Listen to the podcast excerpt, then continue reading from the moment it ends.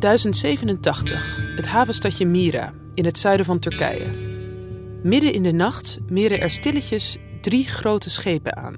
Dat zijn ongeveer 62 gewapende handelaren. Italiaanse handelaars uit het stadje Bari. En die mannen die gaan dus daar midden in de nacht op zoek naar dat graf van de heilige Nicolaas. De heilige Sint-Nicolaas ligt namelijk in de kerk van Mira begraven. Maar voor ze het graf hebben kunnen vinden, stuiten ze op een paar plaatselijke monniken. En uh, zij doen zich daar in eerste instantie voor als vrome pelgrims. Dus ze zeggen, ja, waar is dat graf van die Nicolaas? De monniken moeten het een vreemde vraag hebben gevonden, zo op dit tijdstip. En waarom zijn al die Italianen eigenlijk zo zwaar bewapend? Die monniken die krijgen argwaan en op een gegeven moment vraagt de monnik van ja, maar uh, wat zijn jullie eigenlijk van plan? Hè? Want jullie klinken helemaal niet als pelgrims. En uh, dan zeggen ze dus eerlijk van ja, wij komen hier om die botten van Nicolaas, die dan echt al een hele tijd dood is, om die mee te nemen. In eerste instantie willen de monniken daar natuurlijk niks van weten. Maar uiteindelijk uh, komt het zover dat die handelaren dreigen om de kerk met de grond gelijk te maken. En dan geven de monniken toe en wijzen zij waar dat graf van Nicolaas is. En dat graf dat wordt dan vervolgens geopend. En dan belanden binnen een paar ogenblikken de overblijfselen van de goedheiligman in de zak. Nou ja, het is dus echt letterlijk, Sint-Nicolaas gaat in de zak. Hè. Die botten worden ingepakt en uh, die worden meegenomen in de boot naar Italië.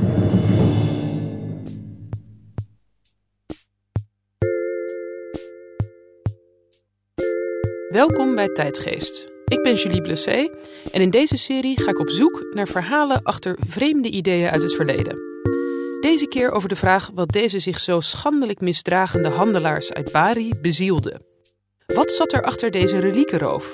We reizen terug naar de middeleeuwen, een tijd waarin relieken, de lichamelijke resten van heiligen, heel waardevol waren. En waarin dit soort diefstallen van relieken vaak voorkwam. Je hoort hier het murmelen van middeleeuwendeskundige Sanne Frequin. Ze is gespecialiseerd in macabere zaken uit de middeleeuwen, zoals relieken, grafrituelen en de omgang met de dood in het algemeen. En om aan mij uit te leggen hoe men de reliekenroof van Sint-Nicolaas beschreef in de middeleeuwen, heeft ze me meegenomen naar de Koninklijke Bibliotheek in Den Haag. Daar bevindt zich namelijk een vuistdik 15e-eeuws Frans manuscript over precies dit onderwerp. Ja, dat is ook wel interessant. Want wat er gebeurt op het moment dat die monniken die tombe gaan openmaken om dat lijk eruit te halen, want dat is toch eigenlijk wel wat het is, stijgen er heerlijke geuren op. Er staat zelfs dat het parfum van Sint-Nicolaas de mannen die de tombe openen omhelst. Alsof ze welkome, lang verwachte gasten waren. Je zou verwachten dat er een soort van verrottingslucht naar buiten komt. Nee, het is een prachtig parfum waarvan iedereen eigenlijk gelijk in een soort van katzwijn valt. En door die geur worden de dorpelingen gewaarschuwd en die denken: hé, hey, er gebeurt iets met onze Nicolaas.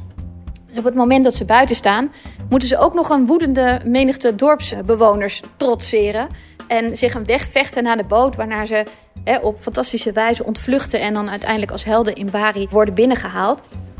Het manuscript waar Sanne uit vertelt is de zogeheten Spiegel Historiaal. Een soort middeleeuwse mix tussen encyclopedie en wereldgeschiedenis. Maar toch klinkt dit verhaal in mijn oren niet als het neutrale verslag wat je in zo'n soort boek zou verwachten. En dat is ook niet zo gek, als je bedenkt wat de bronnen zijn waar deze vertelling op is gebaseerd. Want hoe weten we hoe dat gegaan is? Hoe weten we dat het reliek zo op die manier is meegenomen? Nou, er zijn drie teksten bewaard gebleven. En twee daarvan zijn van de hand van mensen, geestelijke uit Bari. Um, dus die moet je misschien wel met een klein korreltje zout nemen. Want we lezen hier dus eigenlijk hoe ze in Bari wilden dat deze gebeurtenis zou worden herinnerd. Niet zozeer als een roof, maar als een reddingsactie. Ja, dus het is zeker niet zo dat de lezers van dit manuscript dachten van oeh, hier is iets schandelijks aan de gang. Nee, zij redden dat lichaam uh, van Nicolaas. En dus staan in de tekst allerlei opmerkingen die dat idee moeten versterken. Niet alleen staat er dat de Sint zijn redders verwelkomt met een geurige omhelzing, maar ook dat Sint Nicolaas eerder al aan de monniken van Mira was verschenen. Om te klagen dat hij in dit stadje, dat overwegend islamitisch was geworden, niet meer naar behoren werd vereerd. En dat hij dus wilde verhuizen. Dus die had zelf al aangegeven: ik wil hier niet meer zijn. jongens, het is eigenlijk wel tijd dat ik ergens anders naartoe ga. En die handelaren uit Bari, die deden dus eigenlijk wat die heilige vroeg. En uh, die hielpen hem Je zou het eigenlijk kunnen zien als een soort van kidnapping met toestemming van het, uh, met toestemming van het slachtoffer. Sanne doet haar best om invoelbaar te maken hoe de middeleeuwen naar de roof van Sint-Nicolaas keek. Maar ik blijf het een raar verhaal vinden. En ik vraag me toch af of er geen andere reden was voor die handelaars om die relieken te willen stelen. Het is een vraag die nu voor de hand ligt, maar, zo vertelt Sanne, niet voor de middeleeuwen. Want dat er nou eenmaal relieken in nood waren, die gered dienden te worden door heldhaftige christenen, dat was een bekend gegeven. Zelfs bijna een cliché. Zoiets als de prinses in sprookjes, die altijd uit een hoge toren moest worden bevrijd. Dat soort verhalen over bedreigde relieken zongen al tijden rond. Om precies te zijn al sinds 829 na Christus. Dat jaar verzeilden twee Venetiaanse handelaars, Bonus en Rusticus, in Alexandrië, in Egypte, wat net onder heerschappij van de Saracenen was komen te staan. Een islamitisch volk. En daar vingen zij op dat de Saraceense overheersers van die, uh, van die stad zeiden van nou, hè, we gaan alle uh, zuilen en marmeren plakaten, et cetera, gaan we uit alle kerken roven en daar gaan we mooie huizen van bouwen. Want die staan daar toch maar een beetje en daar hebben we allemaal niks aan. Nou, grote paniek in de kerk waar uh, toevallig ook de heilige Marcus uh, begraven was. Uh, monniken helemaal over hun toeren. En die bonus en die rusticus die horen dat. En die zeggen dan vervolgens tegen die monniken van... joh, ik, we snappen dat jullie in nood zijn. Zullen wij anders dat lichaam van Marcus meenemen naar Venetië? Die monniken willen dat natuurlijk niet in eerste instantie.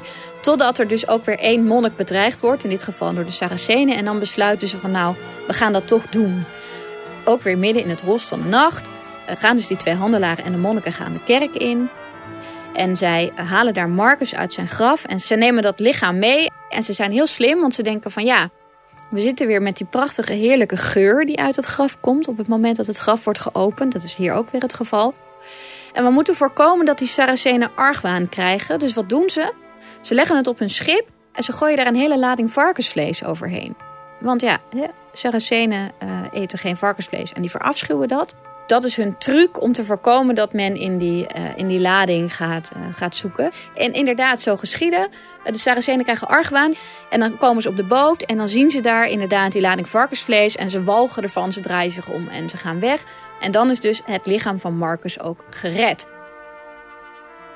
Het is een reddingsactie die in de hele christelijke wereld beroemd zal worden. Omdat het een prachtig verhaal is, natuurlijk maar bovenal om wat er in Venetië gebeurde na de aankomst van de resten van Marcus. Marcus komt aan in Venetië. De doge is uh, uitzinnig van vreugde. En voor Marcus wordt de uh, San Marco gebouwd. En Marcus wordt de patroonheilige van de stad Venetië. En dat is hij tot op de dag van vandaag. Er komt dan ook een ontzettende pelgrimage op gang. Hè? Dus mensen gaan dat lichaam van Marcus gaan ze bezoeken. En wat er dan gebeurt, zet de christelijke wereld aan het denken. En ja, dat is gewoon, dat, dat ja, brengt geld op. Die mensen moeten overnachten, die mensen moeten eten, die mensen kopen pelgrimstekens om te laten zien dat ze ergens zijn geweest. Dus het binnenhalen van een belangrijk reliek levert gewoon harde cash op. Binnen korte tijd transformeert het reliek van apostel Marcus Venetië tot een populair pelgrimsoord. En dat wil in de middeleeuwen zoveel zeggen als een toeristische trekpleister. Net als dat wij nu ook denken van een evenement als de Olympische Spelen. Dat willen we heel graag bij ons organiseren, want er komen heel veel toeristen op af. Geldt het eigenlijk hetzelfde voor die pelgrimage.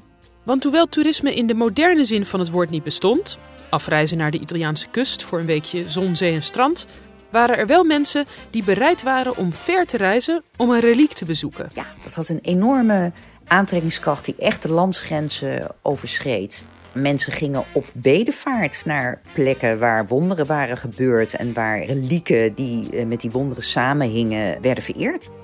Dit is Carolina Lenarduzzi, historica. Ze heeft onder andere onderzoek gedaan naar de betekenis van relieken voor katholieken. Een betekenis die, zeker in de middeleeuwen, enorm groot was. Ja, dat was zo. Katholieken waren ervan overtuigd dat in die relieken goddelijke krachten aan het werk waren. En hoe dichterbij je bij het reliek kon komen, hoe sterker het effect. Ja, bijvoorbeeld kiespijn. Dan kon je een reliek van een heilige tegen je wang houden en dan zou je zien dat je beter wordt. Dat, dat geloofde men. En daarnaast geloofde men dat je bij een reliek via de heilige voorspraak kon vragen bij God. Nou, geef even door aan God dat ik graag beter wil worden en dat hij daar zijn best voor gaat doen. Dit is natuurlijk niet zoals zij dat zeiden. Maar je krijgt een idee. En omdat het heilige geloof in de kracht van relieken tot pelgrimstochten leidde, en die pelgrimstochten vervolgens weer tot welvarende pelgrimsorde, groeit er in heel Europa een vraag naar relieken. Uh, ja, men ging natuurlijk actief op zoek. Er was vraag, dus er moest aanbod komen. De skeletten, zal ik zo maar even zeggen, van een heilige worden in stukjes verdeeld. Ja, er zijn verhalen over mensen die de hand van een heilige kussen en dan de vinger eraf bijten om die vinger mee te krijgen. Uh, en de gedachte is, in elk stukje huist dezelfde goddelijke kracht als in het hele lichaam. En er staan al in de vierde eeuw staan er wachters naast het Heilige Kruis, omdat ze bang zijn dat er een hapje van het hout wordt genomen, dat mensen splinters meenemen naar huis. Maar er worden ook spectaculaire uh, reliekvondsten gedaan. Bijvoorbeeld, ik dacht in 1100, wordt het uh, martelaarsveld van de heilige Ursula en haar 11.000 maagden ontdekt. Het zijn allemaal heiligen. Heb je er opeens 11.000 bij? En ja, er zijn altijd mensen die, als er maar geld valt te verdienen, bereid zijn om nog net een stapje verder te gaan. Dat blijkt wel uit het reisverslag van ene Felix Fabry. Die hoort dat je in Cairo de kinderen van de kindermoord van Bethlehem kan kopen. Wat blijkt? Er blijkt een hele levendige handel te zijn in uh, te vroeg geboren of doodgeboren kinderen. Die kinderen die worden uh, verminkt met, uh, met messen. Die worden dan volledig ingesmeerd en volgestopt met mirre en allerlei balsem en weet ik wat allemaal. En die worden dan verkocht als kinderen van de kindermoord in Bethlehem. Terug naar Bari en de roof-redding van Sint-Nicolaas. Wat Sanne en Carolina mij vertellen over de middeleeuwse reliekkoorts, biedt me een andere blik op de acties van de Barinezen. Terwijl zij verkondigden dat ze Sint-Nicolaas op zijn eigen verzoek hadden gered, blijkt dat geldelijk gewin ook een motief had kunnen vormen. Hoewel, als ik hoor van alle andere manieren waarop je aan relieken kon komen, dan lijkt me 3000 kilometer heen en weer zeilen om met 60 zwaar bewapende mannen ergens een graf te plunderen een noodloos ingewikkelde actie. Maar dat zie ik verkeerd, zo vindt Sanne. Het is natuurlijk wel een stapel met botjes. En wie zegt mij dat als jij zegt ik heb een reliek van Nicolaas, dat het ook daadwerkelijk een reliek van Nicolaas is of dat je de plaatselijke begraafplaats even hebt leeggeroofd. Dus er moet ook een soort van frame omheen gebouwd worden. Er moet een verhaal verteld worden van kijk, wij hebben die botten daar opgehaald, meegenomen, hier gebracht. Je kan er zeker van zijn dat dit de botten van Nicolaas zijn en niet de botten van een of andere uh, uh, Piet van Driehoog achter. Dus dat verhaal, die constructie is ook nodig om, hè, om, die, uh, om die relieken weer een, een plaats te geven. Je zou dit in zekere zin ook kunnen zien als een, een soort van oude vorm van city marketing. Hè? Bari, die inderdaad met dat verhaal van ja, we hebben hier dat, dat lichaam van Nicolaas en dat hebben we niet zomaar, daar hebben we echt wel eh, even ons best voor gedaan. Ja, en, en daarom komen mensen daar naartoe. En hoe succesvol dat staaltje city marketing in het geval van Bari was, dat blijkt wel uit het feit dat er nog altijd drommen pelgrims op de relieken afkomen. En ieder jaar wordt zelfs de intocht van Sint-Nicolaas in Bari gevierd. Ja, zeker weten. Dus er wordt nog steeds wordt er herdacht dat die heilige ervoor heeft gekozen om naar Bari te gaan. Elk jaar begin mei wachten de Barinezen onder begeleiding van deze wat amateuristische fanfaremuziek Sint-Nicolaas nog aan de haven op. In Bari is de Sint overigens een pop, iets anders van kleur dan bij ons, met donkerbruine huid en baard en gekleed in felgele pij. Maar onmiskenbaar een heilig man. Ja, zonder cadeautjes helaas, maar wel met een hele hoop wonderen. De hele middeleeuwen lang wordt de verering, handel en diefstal in relieken tot steeds grotere hoogtes opgestuwd. En dat alles niet alleen in Italië, ook hier in het noorden, in Nederland, waar iedere stad zich met een spectaculair reliek probeert te profileren als pelgrimsoord. Mijn persoonlijke favoriet bevond zich in Zutphen. Daar trokken ze pelgrims met het hoofd van de heilige Sint Justus, een Franse kindheilige die door de Romeinen onthoofd was, maar daarna doodgemodereerd zijn hoofd had opgeraapt en door was blijven leven. De Zutphenaren hadden een reliekhouder gemaakt die het verhaal van deze heilige uitbeeldde. Een hoofdeloze pop van Sint Justus die het reliek van zijn eigen schedel in zijn armen tegen de borst geklemd vasthoudt. En bovenop de schedel balanceerde een kroon. Maar het verbaast je misschien niet dat niet iedereen kon genieten van het hele circus dat er rondom relieken was ontstaan. Begin 16e eeuw is het dan ook opeens genoeg geweest. Wat een leugens worden er verteld over relieken. Je hoort de woorden van Maarten Luther. Iemand beweert een veer uit de vleugel van aartsengel Gabriel te hebben. En de bisschop van Mainz zegt dat hij een vlam bezit uit de brandende braamstruik van Mozes. En hoe is het mogelijk dat er 18 apostelen begraven liggen in Duitsland, terwijl Christus er maar 12 had? En ook Johannes Calvijn wond er geen doekjes om. Het eerste kwaad nu, dat ook de wortel van al het andere is geweest, was dat de wereld, in plaats van Jezus Christus te zoeken in zijn woord, zich naar haar gewoonte heeft vermaakt met gewaden en andere rommel. Dat kwam uit Calvijns beroemde Tractaat der Reliquieën. Ja, van 1543. Zegt hij onder andere, ja, er worden zoveel splinters van het kruis waaraan Jezus is gekruisigd vereerd. Daar zou je de laadruimte van een enorme boot mee kunnen vullen. Dat geeft dan een heel goed beeld inderdaad van hoe hij daarover dacht. Het was afgoderij dat je in materie het goddelijke zoekt. Als ik nu hoor hoe Luther en Calvijn de spot drijven met alle absurde excessen van de reliekverering, dan kan ik er wel om lachen.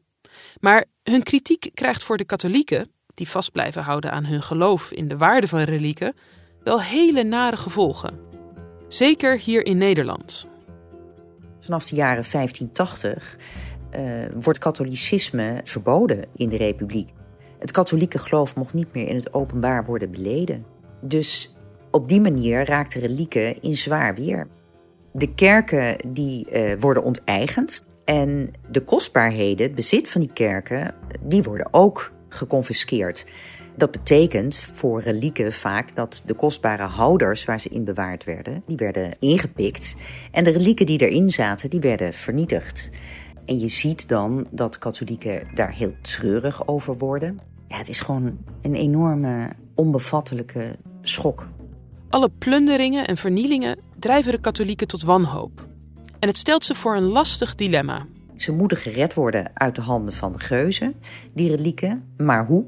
Gaan ze die relieken uh, verbergen in hun eigen huis? Of gaan ze ze laten onderduiken in het katholieke buitenland? Hoe gaan we dat aanpakken? Eeuwen daarvoor, in het Alexandrië van 829 na Christus, hadden lokale christenen met hetzelfde dilemma gezeten. Om te zorgen dat de reliek van apostel Marcus niet vernietigd zou worden, hadden ze het meegegeven aan de Venetianen.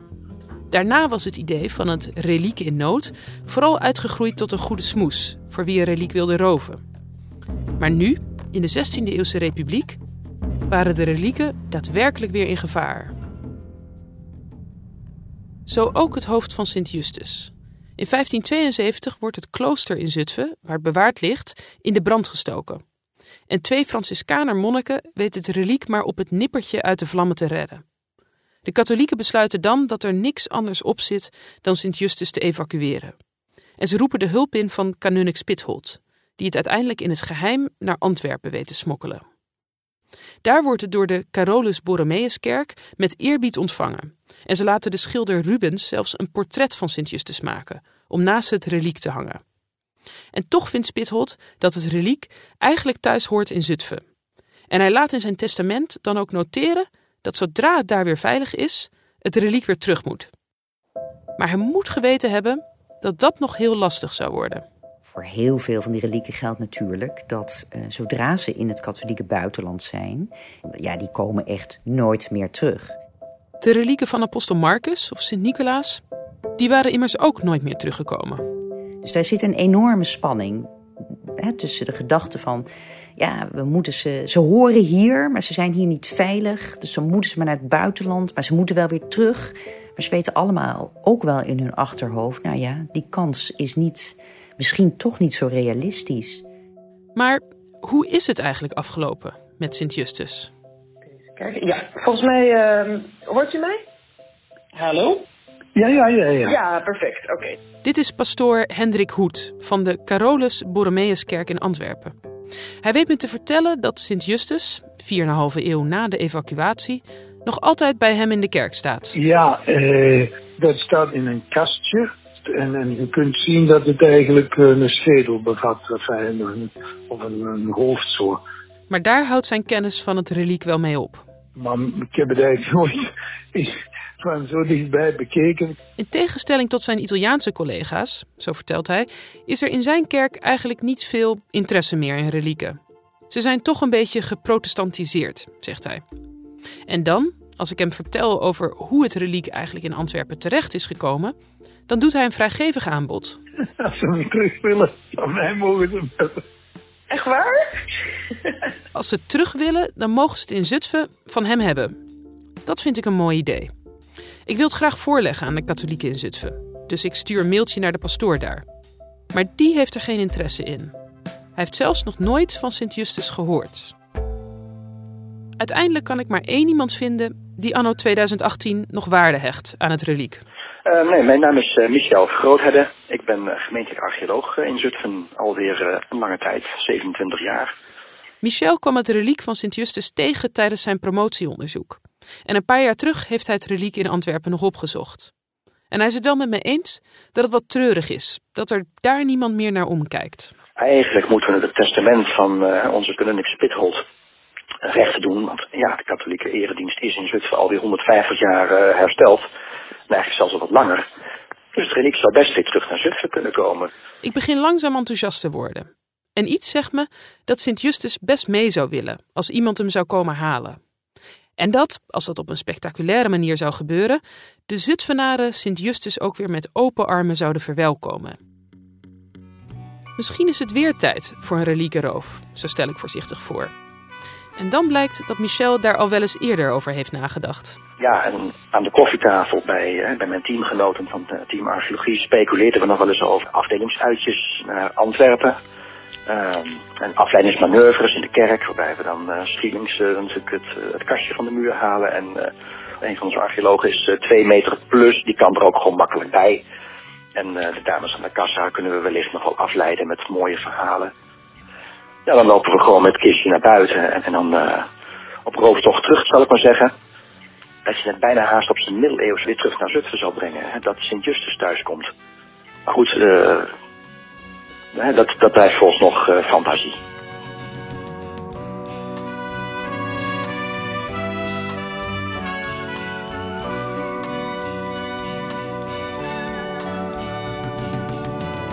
Je hebt geluisterd naar Tijdgeest, een serie van de VPRO en Sola Parola, mogelijk gemaakt door het Mediafonds. Dit was de laatste aflevering, of in ieder geval de laatste van seizoen 2. Arno Peters hielp me met de techniek en de tijdgeest Deun die werd gemaakt door Jara Holdert. En ik ben Julie Blusset. Als je met plezier hebt geluisterd, kun je mij een groot plezier doen door anderen over tijdgeest te tippen of een recensie achter te laten in je podcast-app. En als je nog suggesties hebt voor andere vreemde ideeën uit het verleden die ik eens onder de loep zou moeten nemen, je kan me zo vinden via Twitter, @jblussen.